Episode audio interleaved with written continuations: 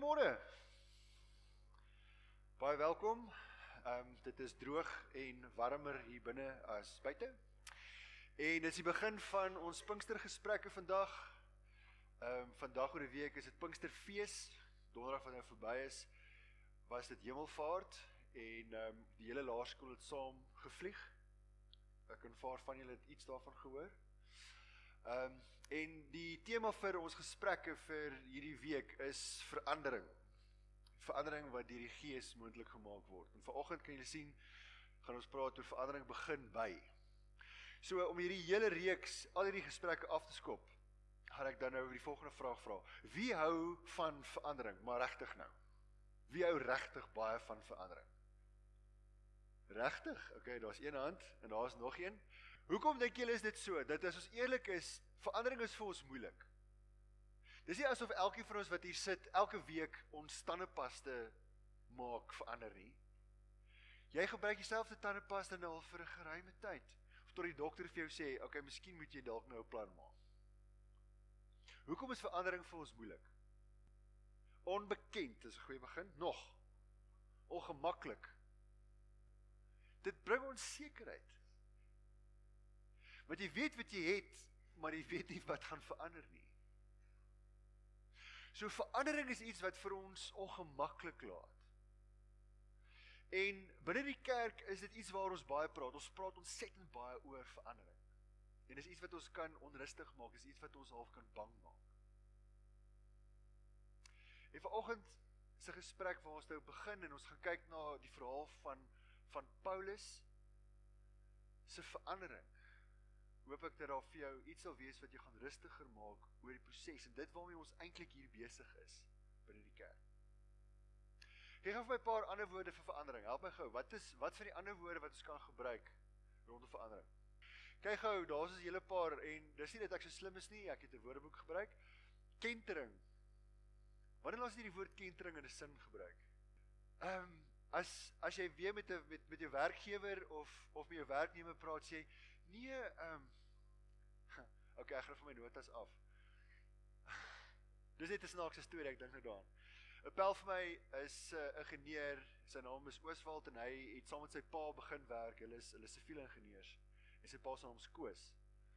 En hulle toe ehm um, put toilette ontwerp en weet bestuur in Botswana. En dan sit hulle nou in 'n besigheids in 'n besigheids ehm um, omgewing en dan sal hy dan vir sy pa sê, kan vir sy pa sê pa voor voor hierdie mense sê, "Ja, welkoos. Ons sal 'n paar goed met kenter."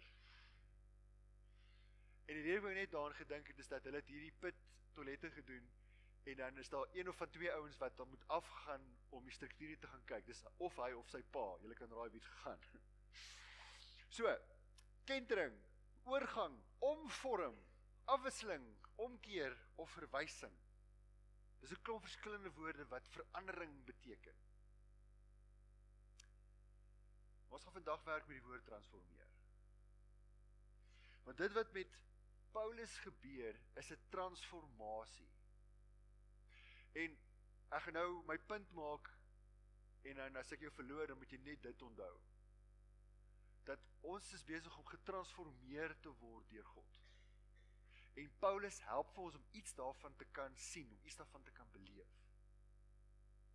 En transformasie beteken dat jy werk met dieselfde inhoud, jy werk met dieselfde persoon of blokkies. En hierdie blokkies word dan nou gekenter om iets anders te maak. Dit word omvorm. Die boublokke is dieselfde, maar jy kan 'n klomp verskillende goed met dieselfde blokkies bou. Paulus se verhaal kan vir ons werklik vir vrymaak rondom 'n klomp goed in ons eie lewens. Paulus het meer geword wie God hom geskep het om te wees.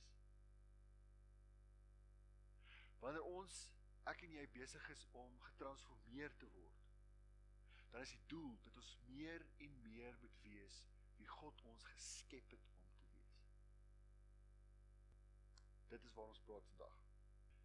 En dis my gebed dat ons elkeen hier sal uitstap met hierdie vraag, maar wat kan ons leer van ons eie lewens wanneer ons Paulus se verhaal lees?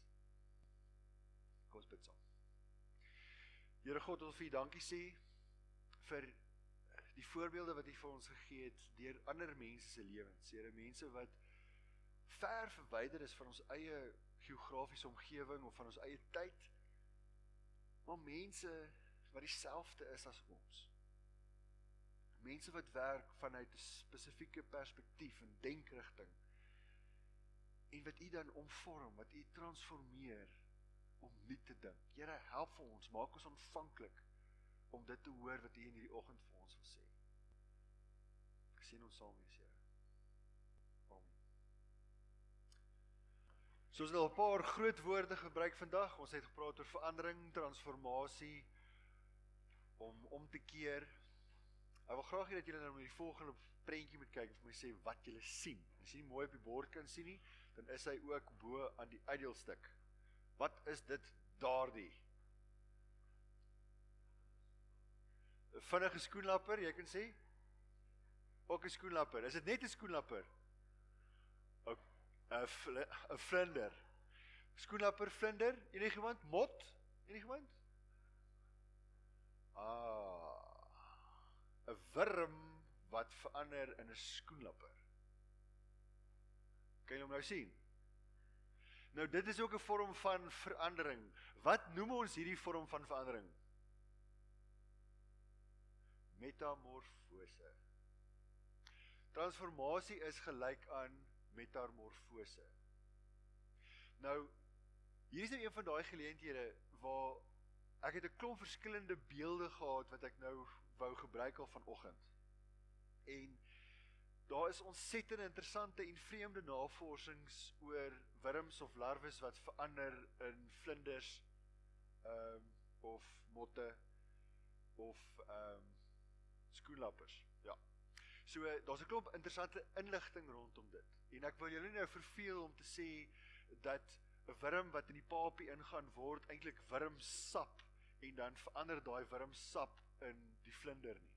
Ek wil nie dit vir julle sê nie want dit is weird of dat hulle nou al navorsing gedoen het dat jy kan hulle toetse gedoen op die wurms en hulle het vir hulle ervarings gegee, hulle het hulle geskok en weet hulle het nie hulle geskok deur hulle weet ou ehm um, lions video's te wys nie. Hulle het hulle geskok met met elektriese skokke en dan het hulle dieselfde metode op die vlinders gebruik en dan die vlinders onthou maar daai is 'n negatiewe ervaring dat hulle dit vermy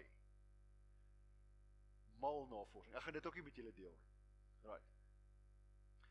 Want dit is te moeilik vir ons om dit te verstaan, want die die groot ding of vir my, ek is nie 'n etimoloog nie. As jy dalk iemand ken wat weet groot is op op insekte, dan kan jy hulle vir hulle hierdie goeters vra. Ehm um, ek wil graag eintlik net verduidelik dat dit wat die wurm bou, die boustene in die wurm is dieselfde as die boustene in die vlinder of mot of skoenlapper dis dieselfde elemente, maar dit word geomvorm. Dit word verander in iets anders.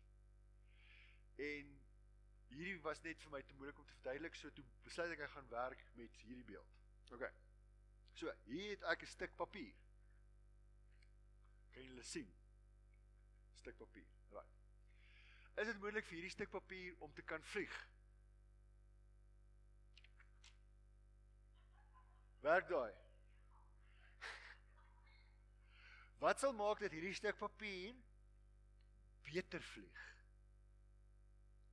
Wat kan ons doen? Jy kan sê Fanny. Probeer om soos 'n vliegtygie te vou. Right. Ek is so dankbaar vir jou gebruik van die woord probeer. Nou al wat ek gaan doen is ek gaan nie ek gaan nie hierdie stuk papier skeer nie. Ek gaan hom net 'n klein bietjie verander. En dan gaan ek nou so maak. Hierdie is 'n standaard gewone vliegtuigie metode.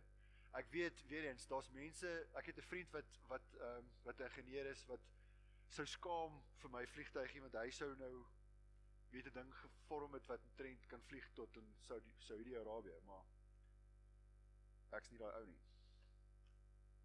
Vliegtuigie. Die stuk papier het verander in 'n vliegtuigie. Dink julle hier gaan beter vlieg as hierdie een?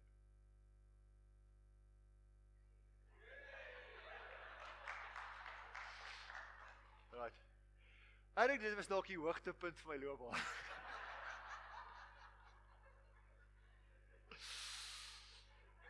ja. Van die feit van hierdie goed wat nie werk nie, dit ongelooflik. So, hierdie stuk papier en daai stuk papier is presies dieselfde. Daar's niks verskillend van hom en daai papier wat Sebastian nou het nie. Maar hy is geomvorm. Hy's gevou.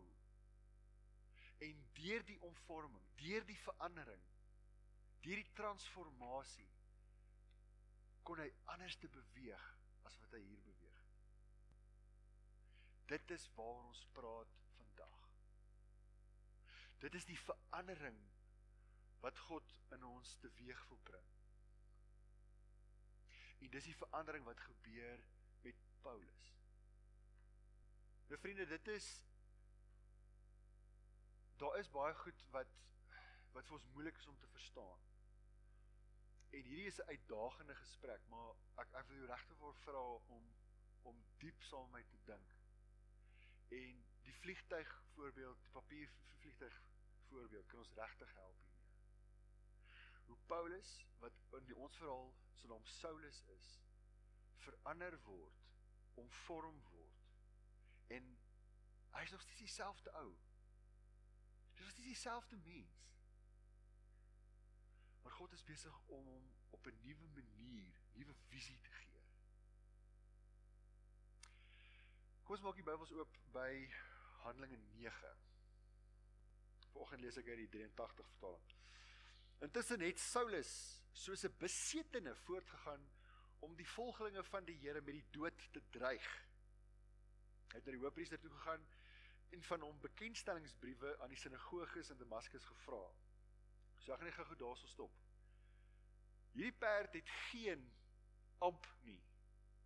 Hy is nie iemand wat aangestel is nie. Hy's nie 'n priester of een van die mense wat in die priestelike diens staan nie. Hy is 'n fariseer wat 'n politieke drukgroep was. So hy het geen reg om te doen wat hy doen nie. Dit is hoekom hy die bekendstellingsbriewe gaan haal by die hoëpriester. Dat hy dan nou met ander woorde met hierdie brief dit mag doen wat hy mag doen. Sy doel is nou in die middel van vers 2. Sy doel was om al die aanhangers van die leer van die Here wat hy daar kry, mans sowel as vrouens, gevange te neem en na Jerusalem toe te bring. Toe hy op reis naby Damaskus kom, het daar skielik 'n lig uit die hemel op hom gestraal. Hy het op die grond neergeval en 'n stem vir hom hoor sê: "Saul, Saul, waarom vervolg jy my? Wie is u, Here?" Vra hy toe. Ek is Jesus. Antwoord hy. Dit is vir my wat jy vervolg. Maar staan op en gaan na die stad toe. Daar sal vir jou gesê word wat jy moet doen. Die mense wat saam met hom op pad was, het spraakloos gestaan. Hulle het die stem gehoor, maar niemand gesien nie. Toe Saulus van die grond af opstaan en sy oë oopmaak, kon hy nie sien nie. Hulle het sy hand gevat en hom na Damaskus toe gelei. 3 dae lank kon hy nie sien nie en het hy nie geëet of het hy niks geëet of gedrink nie. En dan gaan ek so klein bietjie spring, daar's dan nou 'n ander persoon in Damaskus, sy naam is Ananias en God verskyn aan hom in 'n gesig om te sê dat hy moet na Reguitstraat toe gaan, daar sal hy dan nou Saulus kry en hy moet vir Saulus dan nou 'n boodskap gee. En Ananias is onseker want Saulus het baie moeilikheid gemaak. Hy het mense skade gemaak. Dat hy mense weggesleep om hulle dan te verhoor voor die priesters. So hy's bang om dit te doen. Gaan ons daar na vers 15.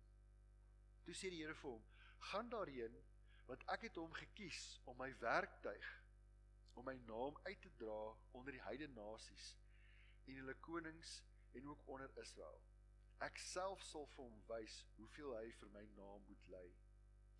Ananias het toe gegaan en in daardie huis gekom. Hy het Saulus die hande opgelê en gesê: "Saul, broer, die Here Jesus wat aan jou verskyn het toe jy op pad hierheen was, het na my toe gekom sodat jy weer kan sien en met die Heilige Gees vervul kan word." Onmiddellik het daar iets so skille van Saulus se oë afgeval en kon hy weer sien. Hy het opgestaan. Hy is gedoop en hy het geëet en sy kragte herwin. Ons lees dit daar. Om hierdie storie te kan verstaan, moet ons net iets hoor van wat Saulus se identiteit was.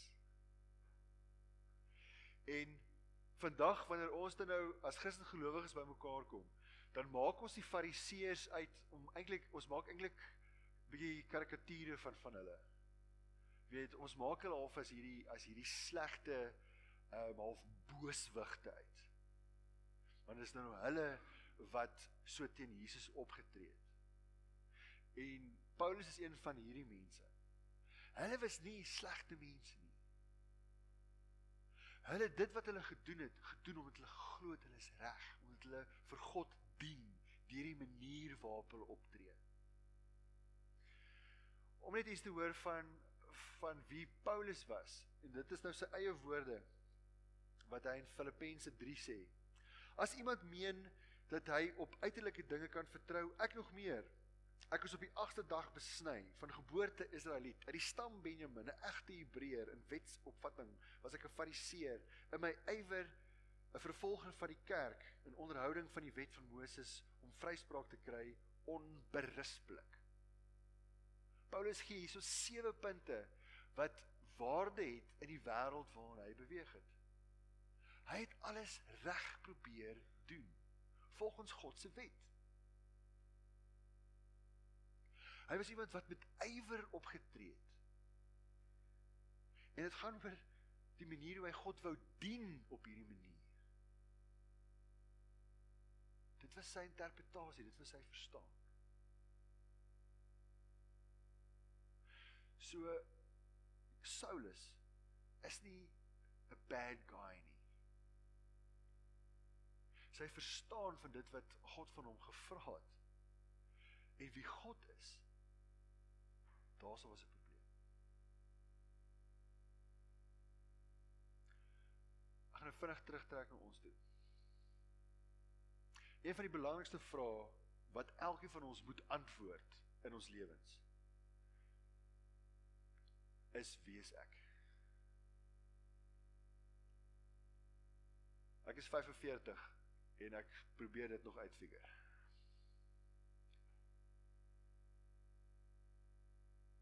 Woensdag het ek die graad 7's gesien by wat ons kiks noem.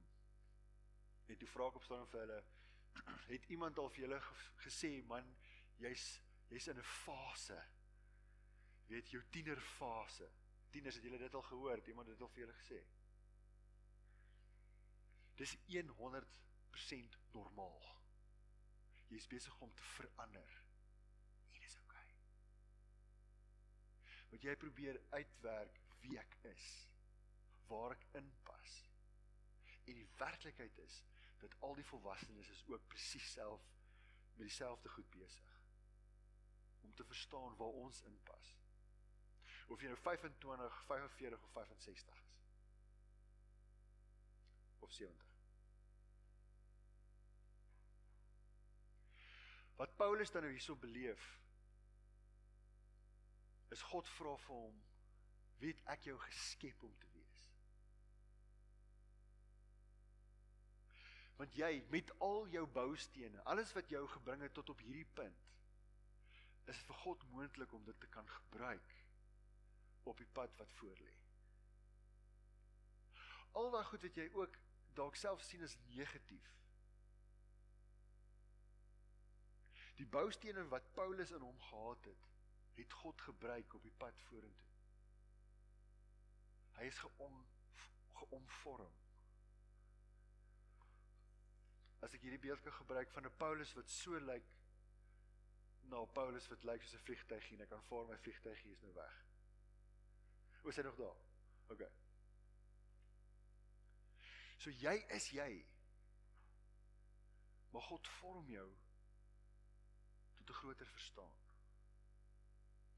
Hier is vir my 'n fantastiese uitbeelding. Dit is Bible Project in een, een van hulle video's en julle kan sien hierso is dan 'n uitbeelding van van Christus. Daar's by die doringkroon en die kruis en alles. En volgens Paulus se verstaan was Christus 'n afgod. Sy verstaan van God, van Jahwe, was dat hierdie Jesus was moeilikheid vir hulle geloof. Dis nie wie God is nie. Totdat Jesus hom ontmoet op daai pad. En hom sê Saulus, ek is die Here. Die manier hoe jy dink oor my is is onakkuraat. Ek wil vir jou wys om nie te dink oor wie ek is. Ek gaan gou daar stop. Dit wat ek nou gesê het, maak dit sin? Is daar enigsins 'n vraag? Onsekerheid?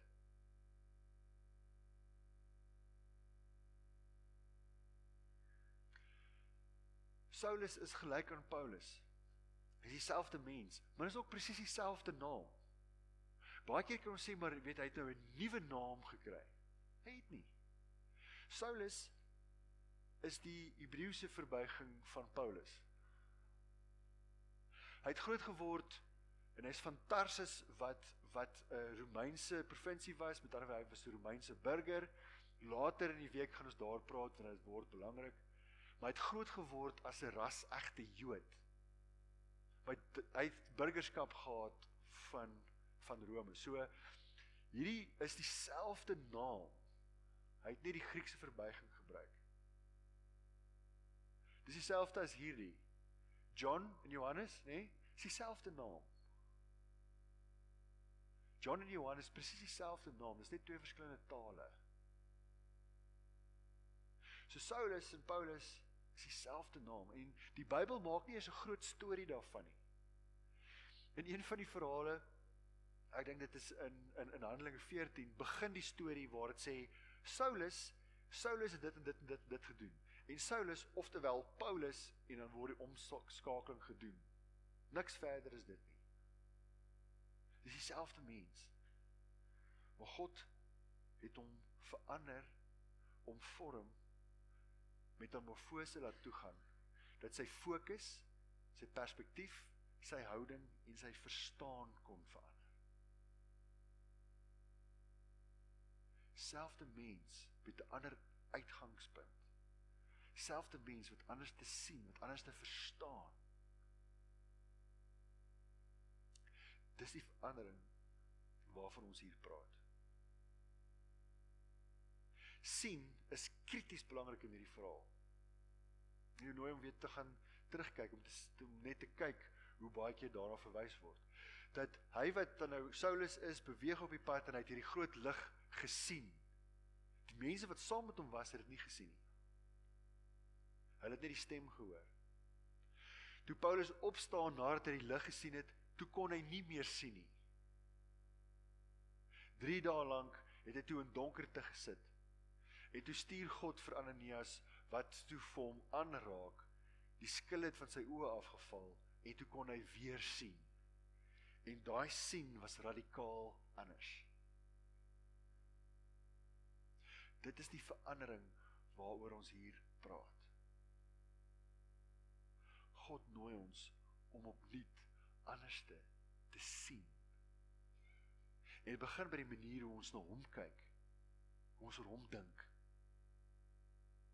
en in wat hy van ons vra hoe ons moet optree binne hierdie lewe. Ek en jy met al ons vreemde dingetjies, die goedjies wat wat ander mense dalk van jou kan irriteer. Wat God gebruik om te help bou in sy nuwe wêreld.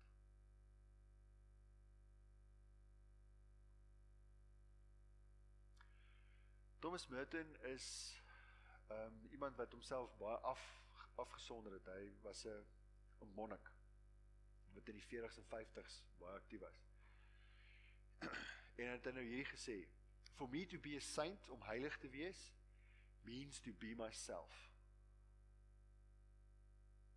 Wil net jy stil staan by daai. Om heilig te wees beteken om myself te wees. Dis onmoontlik vir jou om jouself te kan wees as jy nie eens weet wie jy is nie. En dis harde werk. Dis belangrik dat jy moet gaan sit en dink, okay, maar wie is ek regtig?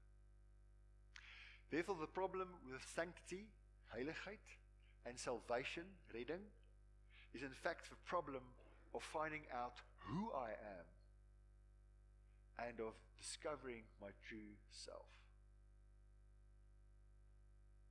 Ons is besig om te ontdek wie ons is. En dit vat 'n leeftyd. Hoe ouer jy word, hoe nader is jy aan daai werklikheid. Het jy agtergekom dat baie keer is dit ouer mense wat 'n klomp belangrike goed sê, want hulle is nie meer bang dat ander mense hulle gaan verwerp nie. Een van my gunsteling voorbeelde daarvan is aartsbiskop Tutu wat in die laaste deel van sy lewe maak nie saak wie in beheer is nie. Of dit nou ehm um, wêreldleiers of die ANC regering of wie ook al is, het hy waarheid gepraat. Hy het geweet wie hy is in Christus. Ons is besig om te ontdek wie ons is. En God is besig om ons te ontvorm van hierdie na iets anderste wat kan beweeg. God is besig om ons te ontvorm van 'n larwe of 'n wurm. Dat ons kan vlerke kry. Ons lyk radikaal anders, maar is nog steeds wie ons is. Hierdie verandering vind plaas of begin by 'n ontmoeting met Christus. Paulus se verandering het begin by hierdie ontmoeting van Jesus Christus. En hierdie is 'n ontmoeting wat plaasvind elke dag. Elke dag. Dit is die geleentheid om nuut te sien wie God is en waarmee God besig is in ons lewens. Hierdie Pinksterweek en hierdie gesprekke is vir ons 'n geleentheid om opnuut daaraan herinner te word. Sodat ons hierdie pad saam met God kan stap. Dis my gebed dat ons 'n klomp mense saam met ons sal neem om hierdie gesprekke regtig voor by te woon en te hoor wat God vir ons wil sê. Nou, die harde werk begin nou. Wat is dit wat ons saam met ons huis te neem? Hoe gaan ons hierdie gesprek deel maak van wie ons is? En hier is dan nou 'n voorstel.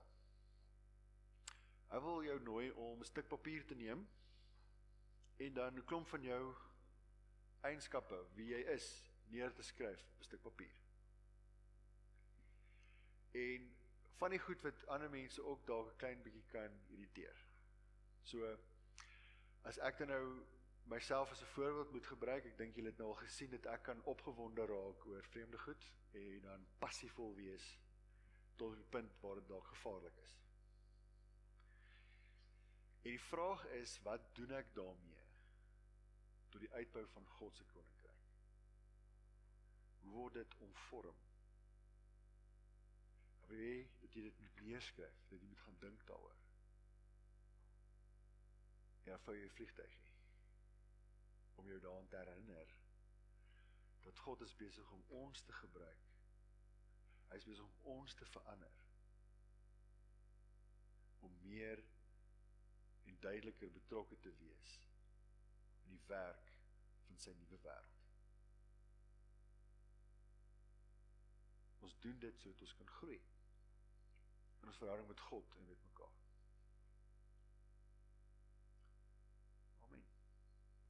ontvang die seën van die Here en word herinner daaraan dat God is besig om jou meer en meer te maak wie hy jou geskep het om te wees. Die genade van ons Here Jesus Christus, die liefde van God, ons almagtige Vader, en die gemeenskap van die Heilige Gees is en bly by elkeen van ons kan saamstem dis om te sê. Die vrede van die Here is en bly by elkeen